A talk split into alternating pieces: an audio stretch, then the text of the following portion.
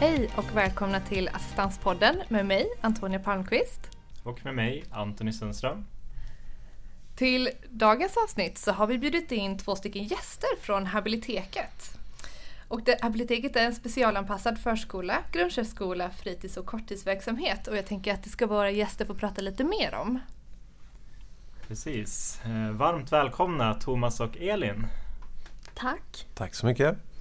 Är allt bra med er? Ja. Det är strålande. Härligt. Hur känns det att vara med i podden? Det känns superbra. Ja, känns strålande bra måste jag säga. Vad kul! Kan inte ni berätta lite om er själva? Vem är ni? Ja, eh, mitt namn är Elin, eh, är 22 år gammal, bor i Täby och eh, jobbar på Habiliteket sedan ett och ett halvt år tillbaka som barnskötare och pedagogisk assistent i en skolklass och sen har jag även börjat jobba på Habilitekets korttidshem. Mm. Eh, och jag heter Thomas eh, och eh, är då rektor och verksamhetschef på Habiliteket och har jobbat där i ja, snart tre år. Och ja, det är väl lite kort om mig. Ja, skulle ni kunna berätta lite mer om vad Habiliteket är? Vad gör ni på Habiliteket? Ja, det kan vi göra. Eh, habiliteket är väl egentligen, vi har ett koncept som heter ja, men, allt under ett och samma tak. Och det innebär egentligen att vi har eh, skola, förskola upp till årskurs 9 och sen så har vi då även eh, habiliteringsinsatser. Så vi har anställda logopeder, arbetsterapeuter och fysioterapeuter som jobbar både i skolan men även då eh, men, eh, habiliteringsmässigt och förskriver Alltså rullstolar, ståskal, ortoser och så vidare i verksamheten. Och sen så har vi en tredje verksamhetsdel då som då är kortis. Och det innebär ju då att föräldrarna kan få, få dygn beviljade av kommunen att eh, ja, eh, sova över på biblioteket men då även göra roliga aktiviteter på helgerna. Eh, som en slags avlastning för föräldrar men även då för att eh, barnen ska få ja, men chans att eh, ja, skapa någon slags personlig utveckling kan man säga. Lite kort om, om, om våra, våra verksamhet. Så. Och vilken, vilken målgrupp har ni som för Habiliteket? Ja, vi jobbar ju väldigt mycket med eh, barn med eh, ganska stora behov i vår verksamhet. Och det är ju utvecklingsstörning eh, och det är från, eh, ja hur ska man uttrycka sig? Ja, väldigt stora motoriska och eh, kog kognitiva svårigheter. Så att de har väldigt stora eh, begränsade rörlighet i, i, i, kroppen och så som man måste jobba med. Men även rent kognitivt så behöver vi stimulera dem alltså kommunikationsmässigt och socialt på olika sätt.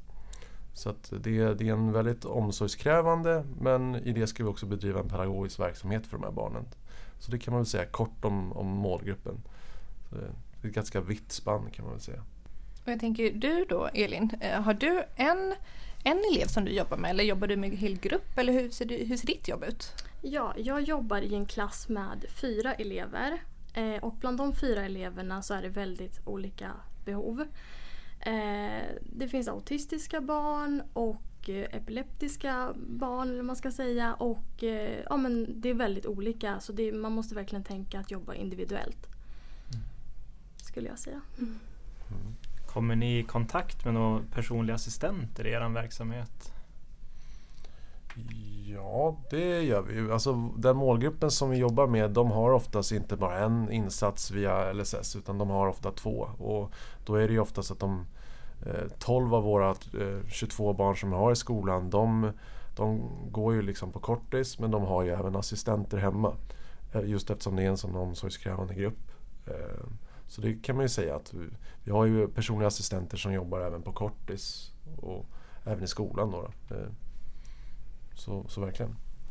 Men det är inte så att, det är, att en elev som går till har med sig sin egen assistent till skolan? Vi har haft sådana lösningar förut. Det har varit lite mindre sånt på senaste, senaste vad ska man säga, året eller åren kan man väl säga. Men, men det, det finns sådana lösningar, eh, verkligen. Eh, men inte just nu finns det inte det. Mm. Eh, ni pratar lite om att ni, ni jobbar med habiliteringsinsatser. Mm. Eh, vad innebär det lite mer i praktiken eller hur, hur, ser det ut då? Hur fungerar verksamheten? Ja, men det, det, man kan säga då det är att både logoped, arbetsterapeut och fysioterapeut de förskriver olika typer av hjälpmedel. Oavsett om det är en pekdator, en Tobii-dator som, som ett barn kan behöva för att kommunicera. Eller om det kan vara en ortos eller en rullstol. Allt för att man ska liksom kunna eh, ja, men, ta sig fram och även då kommunicera. Eh, så det handlar mycket om vad man jobbar utefter i, i skolan också. Att man ska inkludera i samhället, att de ska kunna vara del i ett socialt sammanhang. Eh, och det oavsett så, hur man ser på olika insatser inom LSS så det är ändå det man i slutändan jobbar för med, med barn eller ungdomar, vuxna med funktionsnedsättningar. Mm. Just att de ska bli delaktiga i samhället på olika sätt och kunna vara så självständiga som möjligt. Och det jobbar vi utöver, alltså på biblioteket också för. Så att säga. Vi var, vi var inne lite på er hemsida inne och så läste om det här arbetsmodellen som heter Hability. Är det mm. det som du just förklarade eller vad, vad är det för arbetsmodell? Ja, alltså mycket, mycket kring Hability handlar ju mycket om samverkan kan man väl säga. Och då, det handlar ju mycket om olika typer av professioner. Och det är dels med, med den habiliteringspersonal som vi har hos oss men även andra större nätverk som, som jobbar runt omkring barnet. För ofta så är det ju så med, med våra målgrupper i alla fall att det är väldigt mycket kontaktytor för föräldrarna eh, oavsett om det gäller skolan eller om det gäller LSS-handläggare eller utbildningsförvaltningen i de olika kommunerna så är det mycket kontakter och därför är det viktigt att man kan samverka med de här. Och tanken lite med vårt koncept är också att kanske minska ner antalet kontaktytor, att de ska jobba så nära som möjligt. För att annars kan det bli så att man har 40-50 personer som man som förälder då ska eh, rodda i runt omkring det här barnet. Och det är väldigt mycket, det blir som ett heltidsjobb för de här föräldrarna. Eh, sen så är det också en fråga om kontinuitet och trygghet för de här barnen också. Att de får möta samma, samma människor eh, och att det finns en upprepning i det så att säga. Så innebär det då till exempel att ni har samma personal som jobbar kring de här barnen, delvis då kanske i, i skolan och sen mm. också på korttidsvistelsen som ni har? Ja men precis, det stämmer bra det. Ehm, sen har vi också personal som, som eh, är ute och utbildar sig på universiteten och sådär som också kommer in i vår verksamhet och eh, jobbar. Ehm, så vi har både haft läkare och sjuksköterskor och sånt som, som pluggar ehm, och som då även har ett extrajobb. Så vi, det finns ju också möjlighet till att, att, att jobba eh, på biblioteket då också. Självklart. Men, men självklart, skola och kortis, att det ska finnas en, en kontinuitet och trygghet i det. Det känns jätteviktigt. Det låter som att ni är en ganska stor grupp eh, kopplat till det här. Jag tänkte hur många, hur många jobbar på habiliteket? Ja, eh, sist jag kollade så var vi en bit, jag tror att vi var upp mot 60 personal som, som jobbade. Eh, och då har vi i skolan i dagsläget 21 stycken eh, inskrivna och så har vi 12 utav dem går på kortis. Sen har vi några eh, utöver då som kommer externt. Men det är, merparten av de barnen har ju gått på skolan tidigare, bytt till ett annat gymnasium eller en annan daglig verksamhet. Och sen så har de ändå velat vara kvar för att det är en fast och trygg punkt. Liksom. Så kan man väl säga. Kan man se några effekter av ert arbete? Så att, man, att barnen blir mer självständiga eller att de får mer kontinuitet i ert arbete? Ja, det tycker jag. Sen, sen tycker jag det är viktigt också att, att vi man ska alltid ha mål och strävan att, att de här barnen ska bli så självständiga utifrån deras egna förutsättningar. Men det är också viktigt att förstå att det är ingen eh, linjär utveckling för de här barnen utan det är, ibland är det ett steg framåt och ibland två steg bakåt. Så att det, det beror också lite på hur, hur man utvecklar sig, hur puberteten och allt som påverkar också. Det, så det finns många inslag. Och eftersom man byter och ändrar mediciner hela tiden så påverkar det också väldigt mycket dagsform och utveckling. Men det ska alltid finnas en strävan att hela tiden utveckla så långt man kan utifrån det enskilda barnets förutsättningar. Du Elin, eh, som, som pedagog och barnskötare habiliteket, eh, får du stöttning till exempel av de här olika habiliteringsstödpersonerna då också i, i ditt dagliga arbete?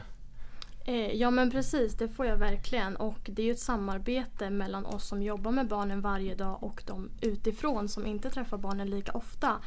Eh, och ibland kan det ju verkligen vara bra för oss som ser barnen varje dag att få hjälp utifrån. Eh, för man kan bli hemmablind och liksom snurra in sig som det alltid har varit. Så verkligen så får vi hjälp.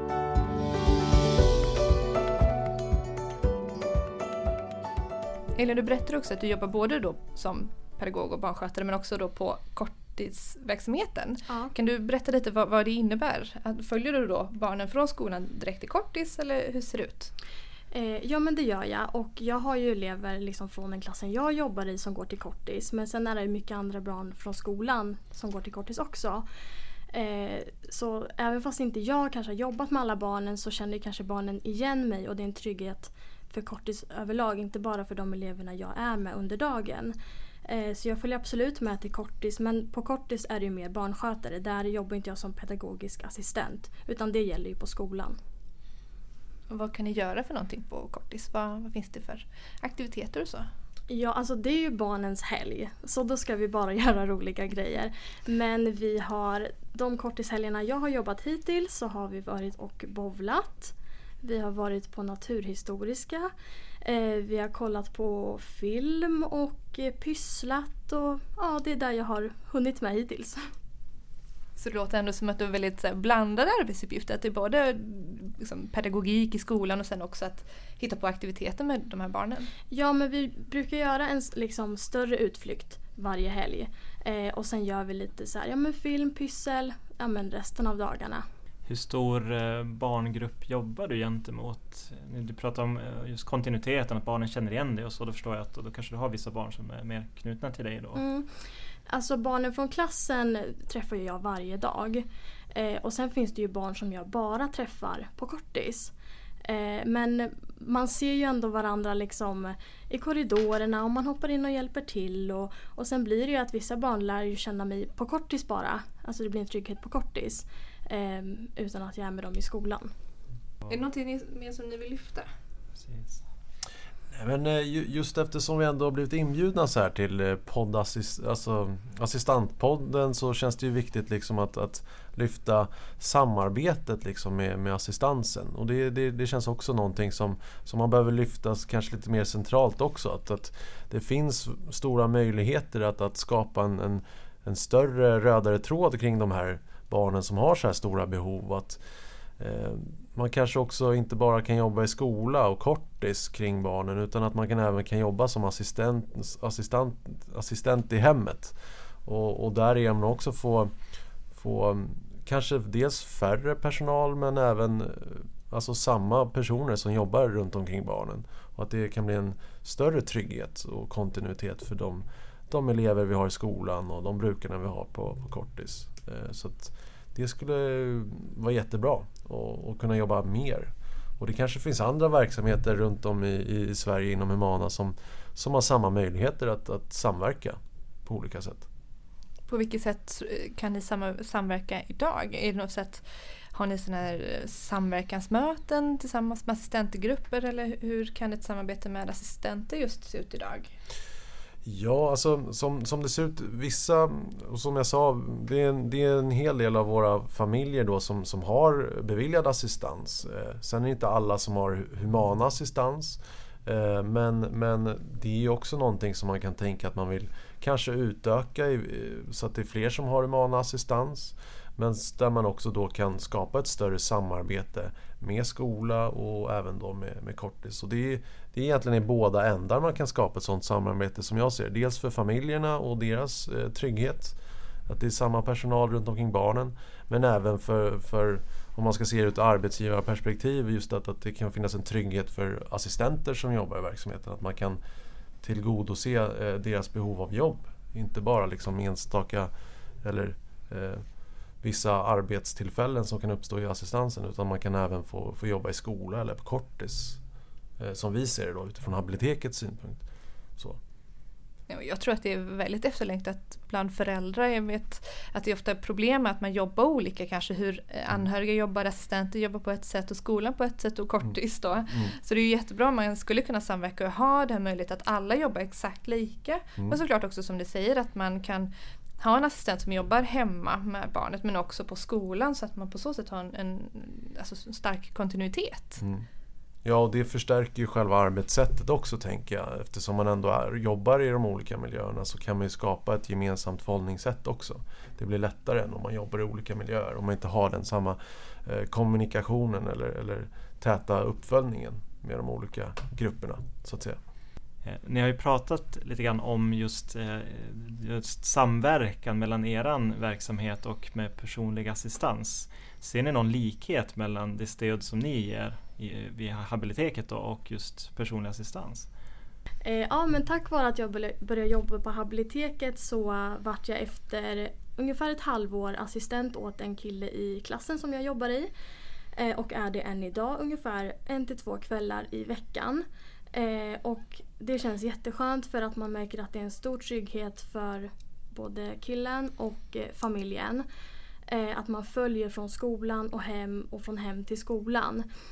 Eh, och sen, men det svåra är att man jobbar ju verkligen inte på samma sätt som hemma och i skolan. Eh, man använder sig av samma rutiner och sådär men i skolan så följer man ju mål. Eh, det finns riktlinjer i skolan som man måste tänka på och hemma måste man liksom släppa det och eh, ja, men utgå från vad familjen brukar göra. Och ta efter för jag ska ju ändå underlätta för det de brukar göra. Men jag tycker ju ändå det är toppen att, att du som har ändå kännedom om den här killen och såna arbetssättet från habiliteket då kan även följa med hem. Så man kan ge det stödet även i hemmet. Det tycker jag låter superbra. Man ja men det känns jätteskönt och att man kan göra skillnad alltså hemma också. Det känns jättekul. Jag tycker det är bra hur du beskriver delvis både styrkorna med de olika stödinsatserna men också lite av de här svårigheterna som uppkommer ja. just att försöka hitta någon slags gemensam eller någon kontinuitet i, i hur, man, hur man jobbar med, med barnen och hur man mm. stöttar barnen då. Ja, ja men man, man måste verkligen särskilja på skolan och hemma och kortis liksom. För det är olika verksamheter men samma barn. Eh, men det, det är kul men ibland blir det lite svårt när vi pratar just om, om det här med verksamheter så vi förstår att Habiliteket, ni har ju en väldigt bred verksamhet, ni har ju väldigt många olika insatser i, i samma paket så att säga. Men vad gör att er verksamhet skiljer sig från andra verksamheter där ute? Ja, alltså i, i, grunden skulle jag nog vilja påstå att det har mycket med, med habiliteringen att göra. Eh, vi, att vi har de resurserna vi har runt omkring barnen. Eh, habiliteringsinsatserna. De är jätteviktiga just eftersom Eh, när det kommer då till, till familjerna i, i det här hänseendet då, så, så kan ju de eh, de slipper ju mer eller mindre att åka iväg och till exempel eh, prova ut en rullstol eller anpassa den. Utan det gör ju vi. Vi har ju fasta dagar då vi åker iväg och gör sådana saker med barnen. Och då fysioterapeut eller arbetsterapeut åker iväg och, och gör de bitarna. Så det är ju också en, en en, en trygghet för familjen att, att slippa liksom få det här uppbrottet i, i vardagen när de är iväg och, och, och arbetar. Och sen så är det ju lättare för habiliteringspersonal att, att ha en mer kontinuerlig uppföljning kring, kring alla de här. För att om man jobbar med barn från förskola upp till årskurs 9 så, så de växer jättemycket och det kommer hända jättemycket saker. Så alla de här hjälpmedlen behöver ju successivt bytas ut och, och anpassas. Så det, det är ju viktigt i sig att kunna följa på ett helt annat sätt de här barnen. Eh, så det är ju en viktig del. Men, men sen är det ju så att vi har ju eh, allt under ett och samma tak i samma lokaler. Vi har korttidsrummen, ligger i anknytning till klassrummen. Vilket gör också att, att för, för ett barn till exempel som, som har en utvecklingsstörning, som är blind och autistisk till exempel. Då skapar ju det en helt annan förutsättning att man måste skapa ett mindre sammanhang. Eh, och man måste anpassa lokalerna utifrån de förutsättningarna som, som behovet eh, eh, utgår ifrån helt enkelt. Där beskriver ni ju sådana frågor som jag tror att många skolor där ute kanske också ser som utmaningar. Just att mm. anpassa miljön eller förutsättningarna för, för de elever som man har som kanske har mm. vissa speciella behov då. Har ni någon kontakt även med andra skolor och så eller? Ja, det är väl någonting som jag känner att, att eh, alltså, Habiliteket är ju, är ju särpräglad i Humana-koncernen på det sättet. att mm. Vi har ju andra skolor men det, det är lite andra målgrupper som man jobbar med. Eh, så där får man ju snarare liksom försöka hitta någon kontakt med andra liknande skolor som kanske jobbar i andra koncerner. Eh, och på så sätt kanske ja, men inspirera varandra till att utvecklas. Men det är ett arbete som jag ser som, som kanske behöver utvecklas mer. Alltså så, i, i närområdet framförallt.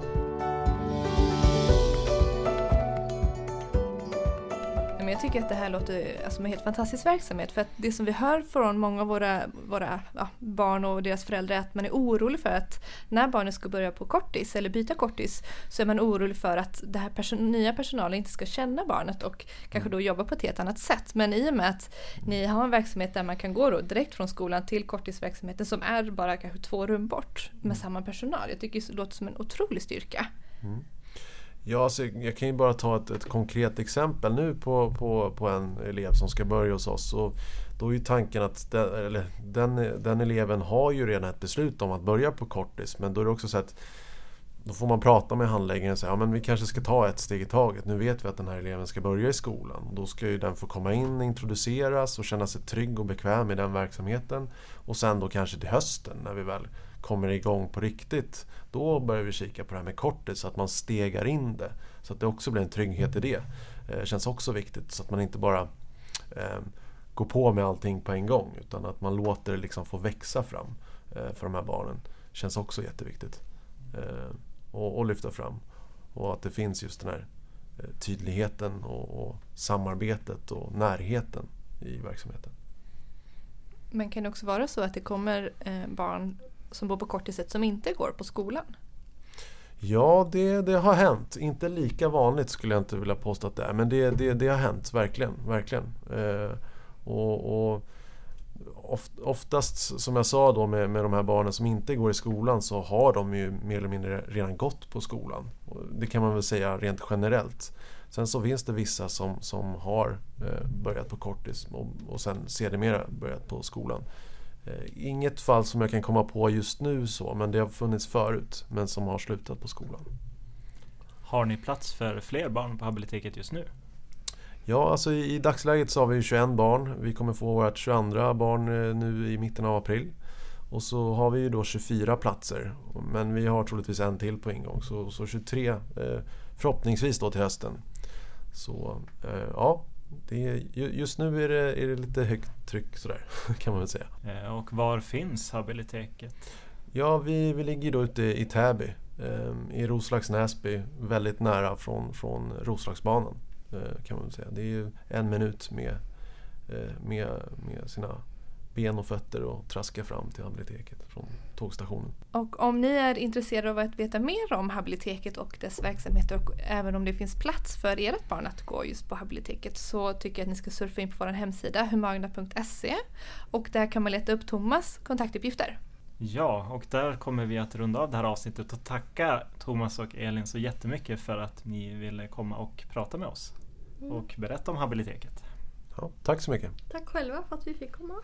Och det var allt som vi hade för den här gången och eh, vill ni komma i kontakt med oss på Assistanspodden så kan ni mejla oss på assistanspodden humana.se eh, Surfa gärna in och lyssna på våra tidigare avsnitt som finns där andra poddar finns. Tack för att ni har lyssnat. Tack. Hej. Hej.